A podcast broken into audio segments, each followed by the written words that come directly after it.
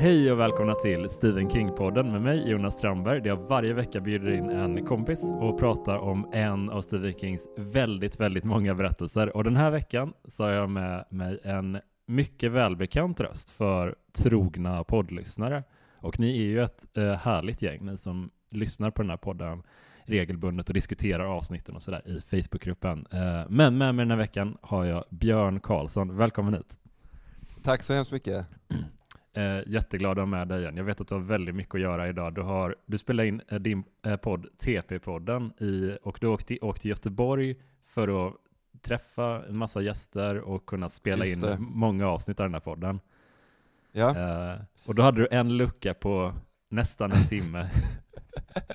ja precis. var det. Jag har, eh, jag har eh, tre, tre TP-pods avsnitt som ska göras idag. Så att Mm. eh, när, du, när du frågade om vi kunde klämma in det här så, så var det en av, en av få poddar kan jag säga som jag, hade, som jag sa eh, ja till. Man vill inte gärna missa eh, Stephen King-podden. Fan vad fint. Ja, det, det gör mig väldigt glad. Det, är, det är lite kul också för att jag känner lite i, i podden så har vi kanske lagt ett lite mer em, fokus på de icke-skräckiga Stephen King-berättelserna. Det har varit lite mer ett, att, att vi, det har bara kanske blivit så, men att jag har försökt höja blick, lyfta blicken lite och se så här, ja King kan mer saker. Han kan skriva gripande relationsberättelser, han kan skriva eh, alltså, starka barndomsskildringar. Men Mm. den här veckan så har vi tagit med oss en av hans eh, kanske mer kända eh, små skräckisar. Eh, så Ja. det här är ju classic King helt enkelt. En, det som folk, kanske en, en sån typ av berättelse folk tänker på när man tänker på Stephen King. Verkligen. Eh, vi ska ju snacka om Children of the Corn den här veckan från samlingen Night Shift och den har ju så många grymma berättelser den boken. Det är eh, ja, men det, det är en sån man hade önskat att eh, man hade upptäckt King via, känner jag. Att man hade fått den i julklapp eller något när man var liten och suttit där livrädd. Och Vad fan kommer nu? Eh, varje gång man vänder till en ny berättelse. ja, ja, det är svinkul, Ja, verkligen. det är många guldkorn där. Har du någon eh, personlig favorit liksom? eh, Ja men alltså, så- i denna samlingen menar du? Mm? Alltså jag, jag är inte helt främmande för att säga den som vi ska prata om idag. Mm? Jag tycker den är fantastiskt bra. Och Mm. eh, sen så gillar jag även som vi, jag tror vi pratade om det i något annat avsnitt, eller om du och jag bara pratade om det utanför avsnittet, den här eh, ehm, sista pinnen på stegen eller vad den heter, eh, eh, som är liksom, som bara gör att man sitter och är liksom nervös Ja. på ett sätt som är liksom så jävla snyggt att han kan få en att sitta så liksom. Mm. Eh, Den gillar jag också väldigt mycket, men eh, av andra anledningar då, än den här. Jag har ju, eller jag har börjat kolla på tv-serien Chapelwaite uh, med Adrian Brody eh, och den ska tydligen vara baserad på eh, novellen Jerusalem slott.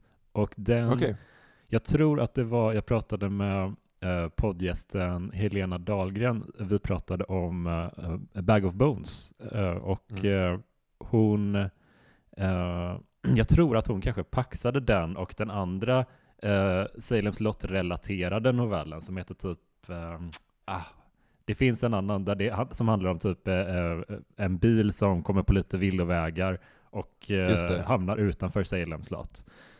Men det är kul med den här lilla, han är, han är ju förtjust i den lilla vampyrhålan, helt klart. ja precis. Den heter väl, på svenska heter den Snöstormen. Mm. Eh, jag vet inte exakt vad den heter på engelska, men den utspelar sig ju efter, eh, efter själva romanen. Just det. Och den här Jerusalem slott är ju betydligt tidigare, på så här 1800-talet tror jag kanske. Ja, Eh, okej. I alla fall, i alla fall tv-serien. Jag vet inte hur, hur trogen den är, novellen. Men det är konstigt, för novellen är ju liksom inte skitlång. Den är ju kanske 20 sidor, 30 sidor. Ja. Men serien är ju så här, ja men typ 10 timslånga avsnitt. så de har verkligen så här konstig prioritering egentligen. Men den är väldigt bra. Den är Ja, och- väldigt eh, creepy. På så här Och där gotiskt kan man ju- sätt. Där kan man ju prata beröringspunkter med det vi ska prata om idag också. Mm. Eh, där vi har en kort liksom, eh, novell som är väl Som blev sex långfilmer, eller vad fan det är, fem, jag vet inte exakt. Ja, det är extremt många. Jag sitter faktiskt, kul att du tar upp det, jag sitter med den listan här framför mig på Wikipedia. Okej, okay, ja. Den här, den här 30 sidor långa novellen eh, som vi ska snacka om idag, eh, den har gett upphov till eh, filmerna Children of the Corn, Children of the Corn 2, The Final Sacrifice, Children of the Corn 3, Urban Harvest, Children of the Corn 4, The Gathering, Children of the Corn 5, Fields of Terror, Children of the Corn 666, Isaac's Return, Children of the Corn Revelation, Children of the Corn Genesis, Children of the Corn Runaway, Children of the Corn och Children of the Corn.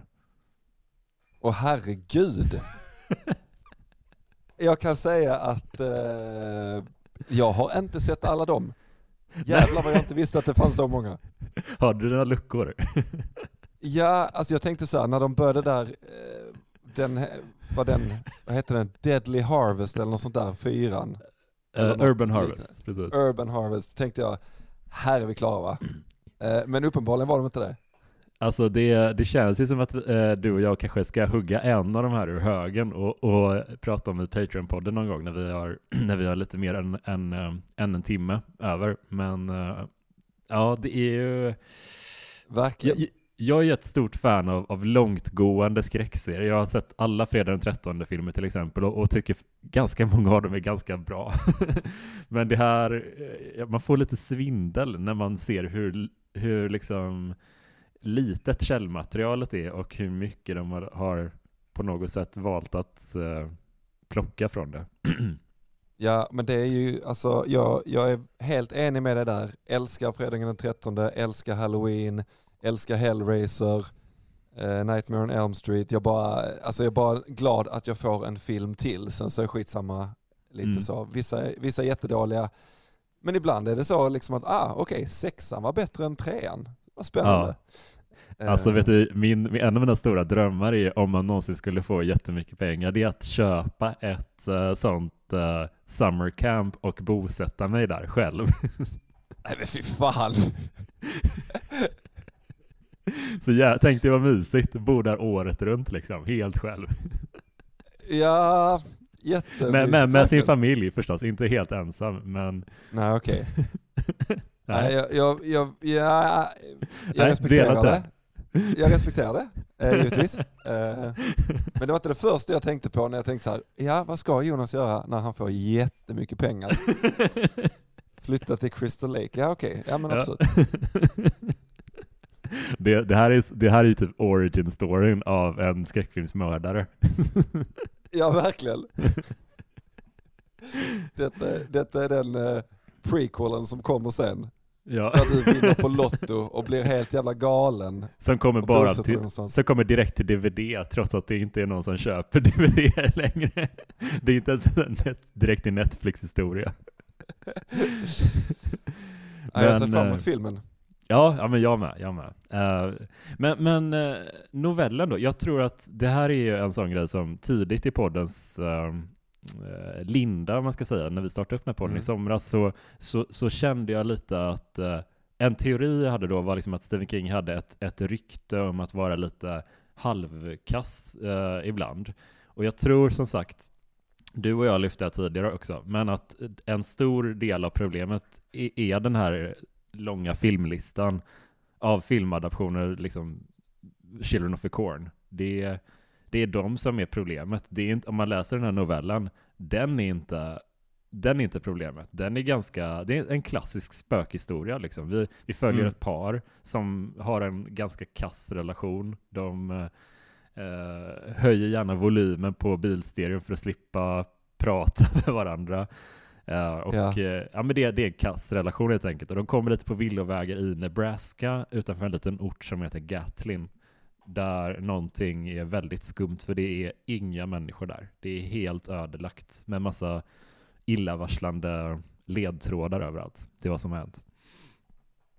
Uh, vad tycker du om anslaget till berättelsen? Vad tycker du liksom om när vi introduceras för, för den här uh, ja, men huvudpersonerna och, och huvud, och orten där allting utspelar sig. Jag tycker att eh, man direkt, direkt ifrågasätter deras eh, eh, liksom varför man försöker att rädda ett äktenskap som är på väg att spricka genom att sätta sig isolerade i en bil och köra från östra till västra sidan i USA genom världens deppigaste landsbygd eh, med bara fält som sällskap. Tror man hade kunnat göra ro, roligare små liksom weekends eller liksom någon form av Ja, parterapi. Alltså det finns säkert många saker man skulle kunna göra. Men de väljer detta eh, och det är man ju ändå glad för för det blir en ganska bra berättelse mm. av det. Jag tycker att, eh, jag tycker att de är liksom, att man känner att det hänger minst sagt liksom irritation i luften dem emellan. Mm. Eh, gör ju att sen när de stöter på patrull på sin resa så, så eh, ger ju det också en ökad stress. Alltså hur mycket kan man lita på den andra, hur mycket kan man hänga upp, hänga upp sig själv och det, sitt välmående på den andra och sådär. Mm. När man egentligen inte pallar med varandra. Just det. Um, men jag, så jag tycker att det, det tillför någonting till berättelsen. Att man mm. liksom kastas in i att man förstår att okej okay, här är det tumult, här är det på bristningsgränsen. Och sen mm. tvingas de in i ett gemensamt trauma liksom. Mm. Jag tycker, jag det är så intressant med sådana, när det, när det är ett, ett eh, yttre hot som ändå på något sätt svetsar samman dem på något sätt, huvudpersonerna. Det, det är ofta så i skräckfilmer, att, att uh, man, man, får ju inte alltid se vad som hände efter, efter en skräckfilm i slut, men man får alltid känslan av att de som överlevde, fan vad de kommer att det går inte, kommer aldrig gå att tävla mot den vänskapen eller den relationen de har. Nej, Nej, absolut. Eh, eller så blir det som i eh, det, att man bara associerar varandra till något hemskt och bara såhär, nej jag pallar inte ens tänka ja. på detta, så nu är vi färdiga. Fan, det är sant alltså. Men, äh, jag vet inte, jag, jag, tycker i alla fall det är här, och här känns det som att de, de kommer ju närmre varandra på något sätt, mm. men absolut inte fullt ut. Alltså det är ju fortfarande det är ju inte som att det liksom, eh, det hinner inte, ja, nu, jag vet inte hur mycket du, vi ska spoila men alltså jag det är lite svårt här, med en 30 här, sidor. Ja, den här veckan tycker jag vi kan bara spoila fritt typ, för att det, det är en 30 sidor kort novell, eh, den finns överallt liksom, och Uh, om du mot förmodan inte har läst den så, eh, alltså, jag, ja, jag har varnat våra lyssnare i, i Facebookgruppen att vi kommer prata om den här också, så ja, men vi, vi kan köra på rätt fritt tycker jag. Ja, Nej men för jag tänker att de, det blir ju väldigt snabbt så, alltså de hinner ju inte svetsa samman riktigt innan de slits ifrån varandra och sen är det ju inte, alltså det blir ju ingen upprättelse för dem och deras relation liksom. Nej, alltså om man ska säga, jag tycker så här, det är styrkan, om man ska välja en styrka och en svaghet för den här berättelsen som jag bara direkt tänkte på när jag hade avslutat den, då kände jag att en styrka är stämningen som byggs upp. Det är en så fruktansvärt creepy vibe genom hela storyn. Den här, både den här ödelagda eh, lilla småstaden och eh, de här ändlösa majsfälten. Som han sen lite King har, eh, inte exakt återanvänt, men han, det finns ju en film och en kortroman som heter In the Tall Grass. Och filmen tyckte jag inte jag var superbra faktiskt. Jag har inte hunnit läsa eh, boken eller liksom novellen än. Men eh, det känns lite som att där kanske han, han gillar ju det där. Han gillar när det är eh, liksom ogenomtränglig djungel på amerikanska landsbygden. Ja.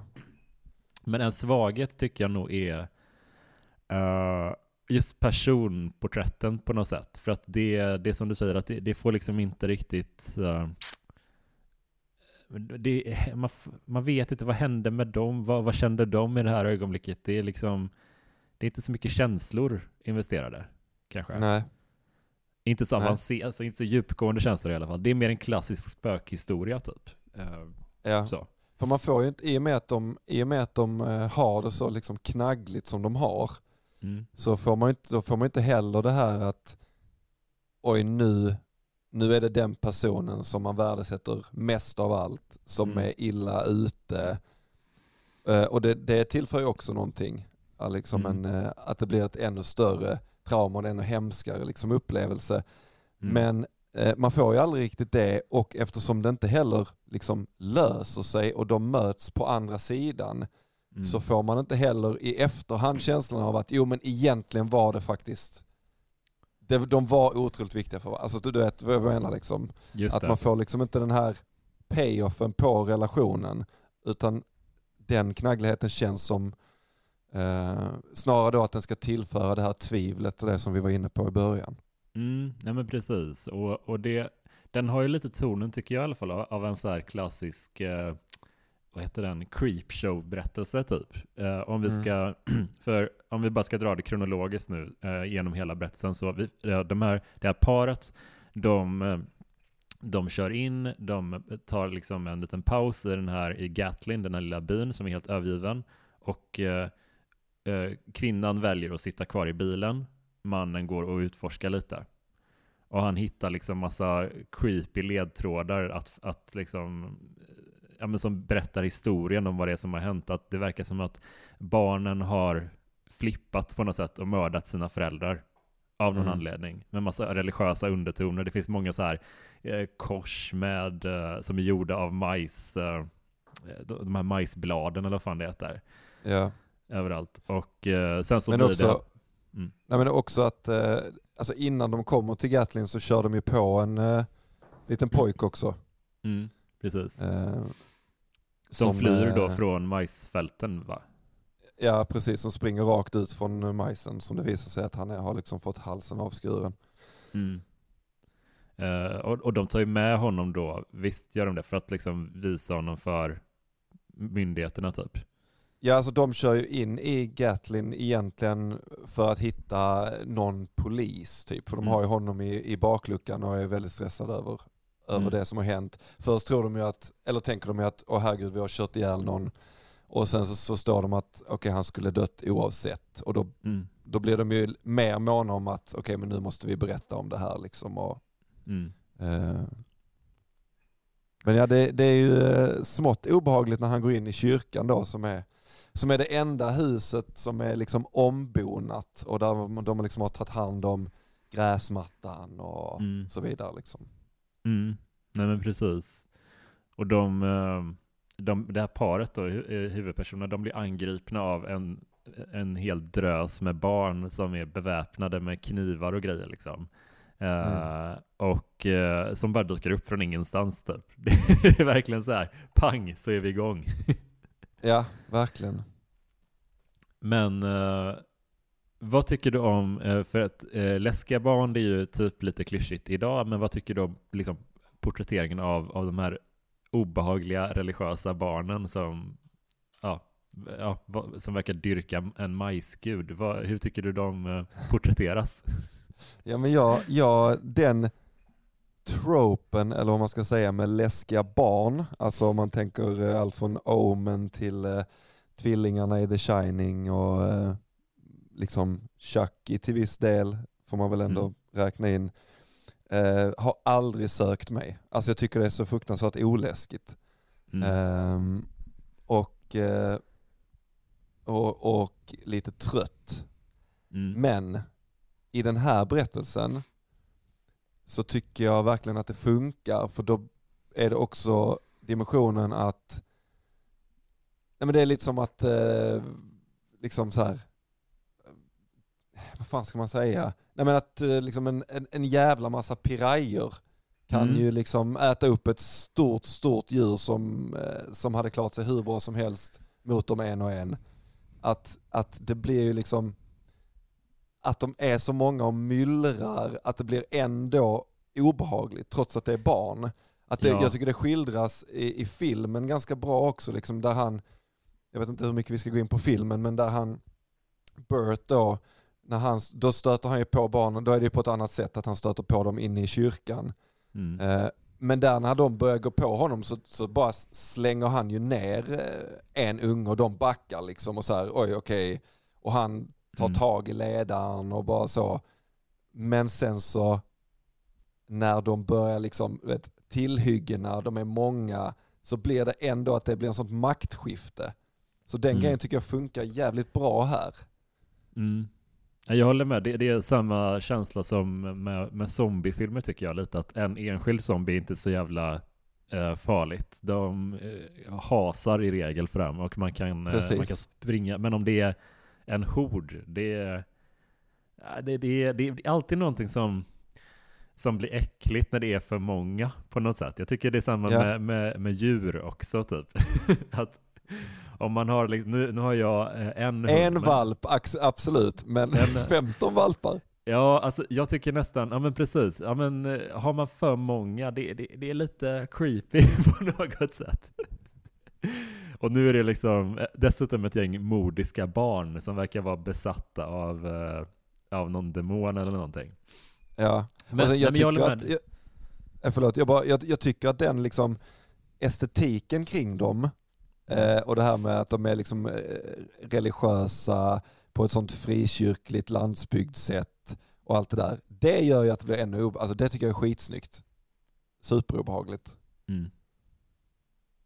Ja men precis, och, och, det är så häftigt hur berättelsen på något sätt har ja, men nästan två, två skurkar, eller man ska säga, två yttre hot som är väldigt, väldigt, som vi presenteras för väldigt tidigt. Det är både den här mängden med barn, och mm. Eh, den här, det här obehagliga, liksom, olycksbådande majsfältet. Och det, det låter så fånigt när man säger, som vi, både du och jag pratat om det tidigare, liksom, berättar man om en Stephen King-premiss, ja, ja. det, det blir lätt lite fånigt, men det är creepy alltså. Det, man föreställer sig hur det är att gå vilse där. Jag fick lite en sån, han det, det är han väldigt bra på, Stephen King. Eh, jag tänkte på flickan som älskade Tom Gordon. Han är väldigt bra mm. på att skildra människor som går vilse. Det är så jävla relaterbart för alla tänker jag. Oavsett om man är en mm. citykid eller om man är en från landsorten typ. Att gå vilse, det är fan, det är, det är liksom att man förlorar sin trygghet på något sätt. Att man, man vet inte vad man ska, ja, särskilt om man är ett barn. Det är ju läskigaste som finns. Och det tycker jag lyckas Gud, ja. gestalta väldigt, väldigt bra. Ja. Men sen så är det ju den här märkliga, eh, ska man säga, monstret eller demonen som de här barnen dyrkar då, som gömmer sig i majsfältet någonstans. He who walks mm. behind the rose, som de kallar honom. Ja. Uh, vad tycker du om honom? Ja, alltså, jag tänkte på, det, det kom ju upp en eh, för övrigt, din, jag tycker din eftersnacksgrupp är väldigt trevlig att eh, botanisera i ibland när det kommer lite, för det blir rätt så roliga diskussioner. Det känns som att det är flera stycken som har hittat dit som är verkligen så här dedikerade King-läsare. Verkligen. Och som kanske där liksom hittar ett, eh, ett forum att eh, verkligen så här prata om berättelserna. Mm. Eh, och det kom upp en diskussion häromdagen om där någon person, eh, förlåt att jag inte minns namnet på den personen, men skrev ett inlägg om att eh, King var mycket bättre i uppbyggnaden än han var i liksom crescendot av en berättelse. Mm. Att eh, han är väldigt bra på att sätta stämningar, väldigt bra på att eh, introducera eh, personporträtt och att man ska bry sig om karaktärerna och man ska hela den biten hela vägen fram tills nu ska det liksom nu ska vi få svaren, nu ska det bli den stora konfrontationen och att mm. han tappade där. Och då tyckte vissa att eh, det var helt rätt att det precis var så och såklart tyckte vissa tvärtom, liksom, att nej, men han är väldigt bra i slutet. Om jag skulle välja eh, ett lag där för mig själv så hade jag, jag tycker inte jättemycket antingen eller, men jag hade också hamnat i laget att han är bättre i uppbyggnaden. Och jag tycker att i den här berättelsen så är det också tydligt att den här berättelsens största förtjänster är stämningen som sätts eh, och som byggs upp verkligen minut för minut som man läser. Och det blir mer och mer och mer och mer obehagligt. Och jag vet inte vad man skulle kunna få för en payoff som gjorde att det trumfar den känslan man har för det som är ovisst. I denna mm. berättelsen tycker jag att, han, att det blir ganska snyggt för att även när det tar slut och även när man liksom konfrontationen kommer mm. så vet man fortfarande inte riktigt vad det är, vad det handlar om. Nej. Och det tycker, jag, det tycker jag är en förtjänst. Jag tycker också uh. det, för att jag, jag håller verkligen med Jag kan känna också så ibland att vissa, vissa gånger är han inte så bra på att ta allting i mål, men andra gånger som till exempel med uh, 11.22.63, den mm. tidsresa, den, där tycker jag faktiskt att han lyckas både med uppbyggnaden och uh, att ta hem allting.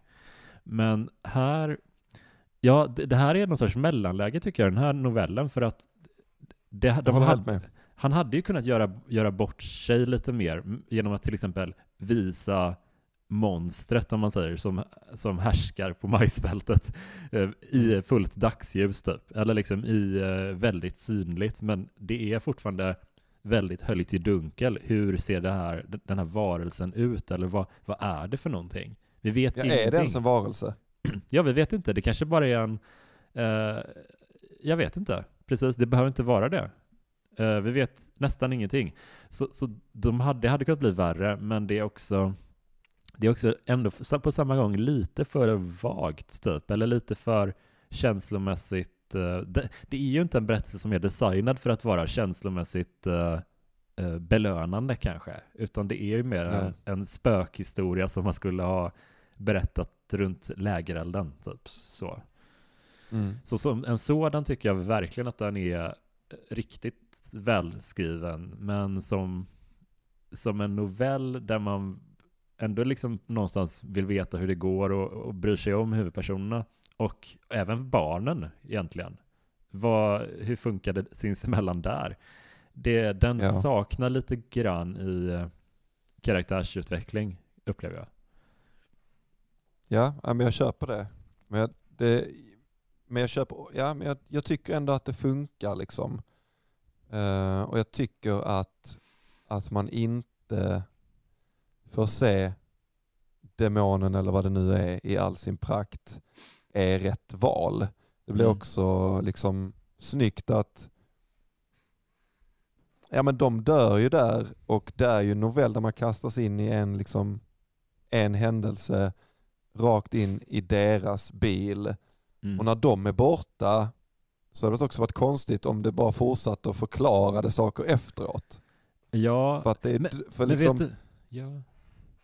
Jag tänkte på en grej, eh, och jag bara kommer att tänka på precis nu, att den här novellen, den känns nästan som, har du sett Scream-filmerna?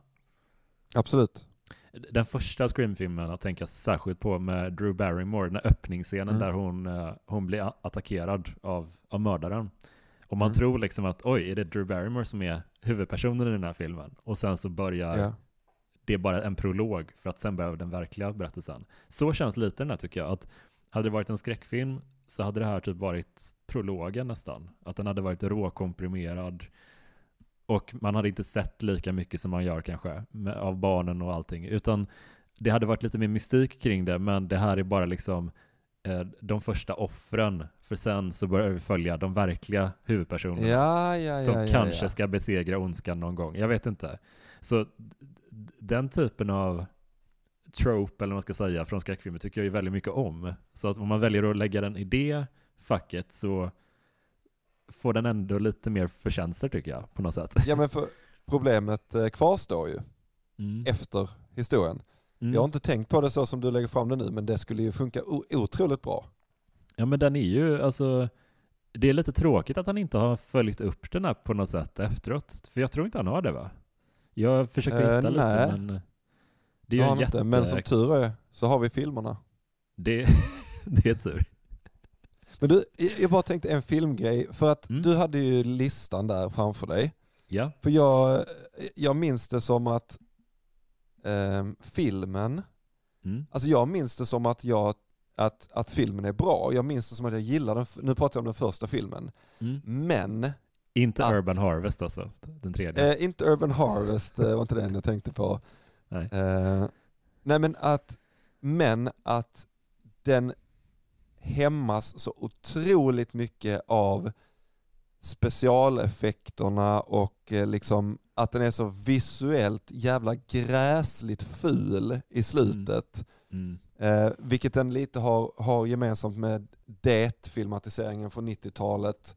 Mm. Att så här, det här, jag tänker att denna filmen skulle verkligen förtjäna en eh, modern remake. Men då är frågan, det kanske redan finns eh, för det lät ju som att du sa att det fanns åtta olika, liksom, eh, jag vet inte vad. Ja, det, det finns en Children of the Corn som eh, gjorde en blygsam premiär eh, 2020 som då är en eh, den heter bara Children of the Corn och hade smygpremiär 2020 och it is described by its producer as a free new adaptation of Stephen Kings short story with almost nothing to do with the original Children of the Corn. Okej. Nej. Det är också eh, regissören har eh, det är hans första film sedan Ultraviolet från 2006. Så Okej. Ja, alltså det är väldigt, eh, det är svårt att föreställa sig att den eh, kan vara lyckad, men eh, jag är ändå Inte- nyfiken. Den har Ja, ju nästan ingenting att göra. super... Jag fick inte superhöga förhoppningar när du la fram det på det sättet. Förlåt. Men jag tycker, jag håller fa- ja, men det jag är van när vi pratar filmer här alltså. Men jag tycker att eh, den förtjänar en bra remake för att jag tycker på riktigt att eh, den är ganska bra. Men den är visuellt horribel.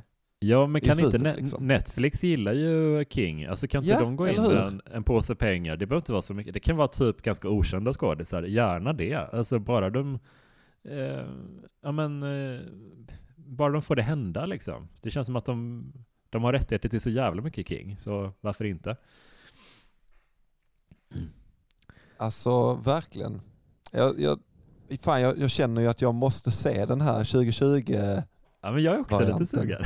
ska vi inte göra, ska vi inte typ eh, försöka se den på varsitt håll kanske? Och så kan vi prata om den i, om den i, i Patreon-podden kanske? Om Jo, den går att få tag absolut. i. Jag vet inte ens om den är möjlig att få tag i.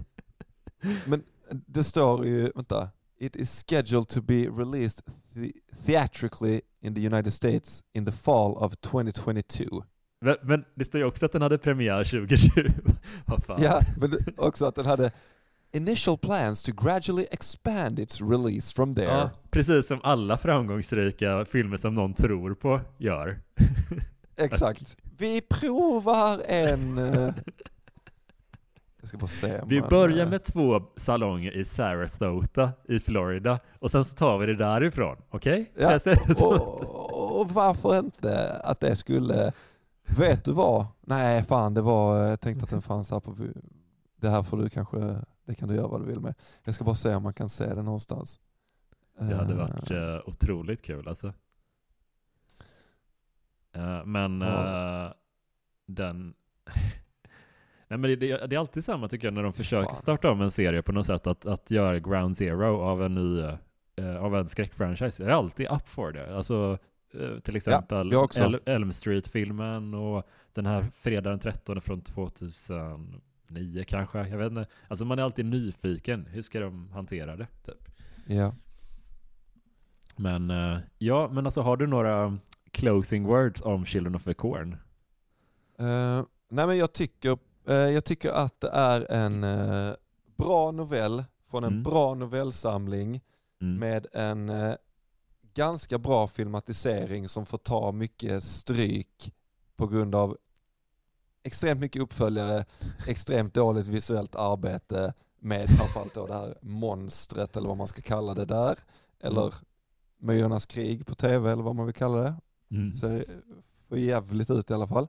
Eh, men jag tycker absolut att man ska läsa den. Det har man förhoppningsvis redan gjort om man lyssnar på detta. Eh, och eh, en av de eh, novellerna av honom som jag har läst med störst behållning. Jag tycker att eh, stämningen som sätts är, och inramningen är eh, spot on alltså. Ja, jag håller verkligen med. Det känns, det känns som eh, old school King på ett väldigt positivt sätt och den har väldigt många förtjänster och ja, välskriven, välberättad och ja, verkligen. En, en novell definitivt värd att, att kolla in he, he- helt enkelt. Verkligen. Och en ren skräckberättelse. Ja, exakt. Renodlad. Ja, men riktig spökhistoria typ. Alltså riktigt creepy. Ja, ja, den, är, ja den, är, den är riktigt mysig. Men fan, Kollar eh, man filmen så ser man ju eh, Linda Hamilton där en av huvudrollerna också. Den gode rätt Sarah i. Connor från Terminator. shit, det är, det är sant. Frågan är om inte det Några år var... tidigare. Ja, men precis. Det var, måste varit lite innan va? Kul. Mm, det skulle ju kunna vara hennes första, jag vet faktiskt inte. Uh, den kommer ju- 84, så att det är, en, det är ett tag innan. Jag är ändå nyfiken på att se om den nu alltså. Och kanske, kanske någon av, det kanske har gjorts fler remakes också, det ser, ser verkligen ut så på den här. Men, vet vad vi eh, Vi, ser, vi kollar på alla Children of the Corn på varsitt håll. ja, Du, du är inte oäven för sånt här. Du har suttit och kollat på alla Nicolas Cage-filmer och allt ja, men jag, jag kan eh, stretcha, Så- stretcha mig lite så jag är redo. Ja, och sen så, så kör vi ett maraton Patreon-avsnitt på fyra timmar om alla Children of the Corn. Fan vad, ja, ja, ja men det är en deal. Det Ja, lovar nej, vi nej, våra nej, nej, lyssnare. nej. Du bara, jag önskar att han har sagt nej. Ja. Ja, det här skitet kommer han aldrig gå med på. Nej, men vi, kan, vi kan ju börja med att försöka, om någon av oss hittar 2020-filmen så Mm. eh, berättar vi det för den andra. Mm, ja, definitivt. Uh, fan vad nice. Uh, vad kul att du vill vara med i podden igen. Jag ska släppa dig till uh, ditt i övrigt väldigt hektiska poddschema så uh, hoppas jag vi hörs snart igen. Och tack för att du har lyssnat på den här podden och där vi rantar lite om Children of the Corn. Hoppa gärna in i Facebookgruppen som heter Stephen King-podden Eftersnack så hörs vi där. Tack för att du gästade Björn. Hoppas vi hörs snart igen. Hej då! Tack ska du ha, det gör vi absolut. Hej!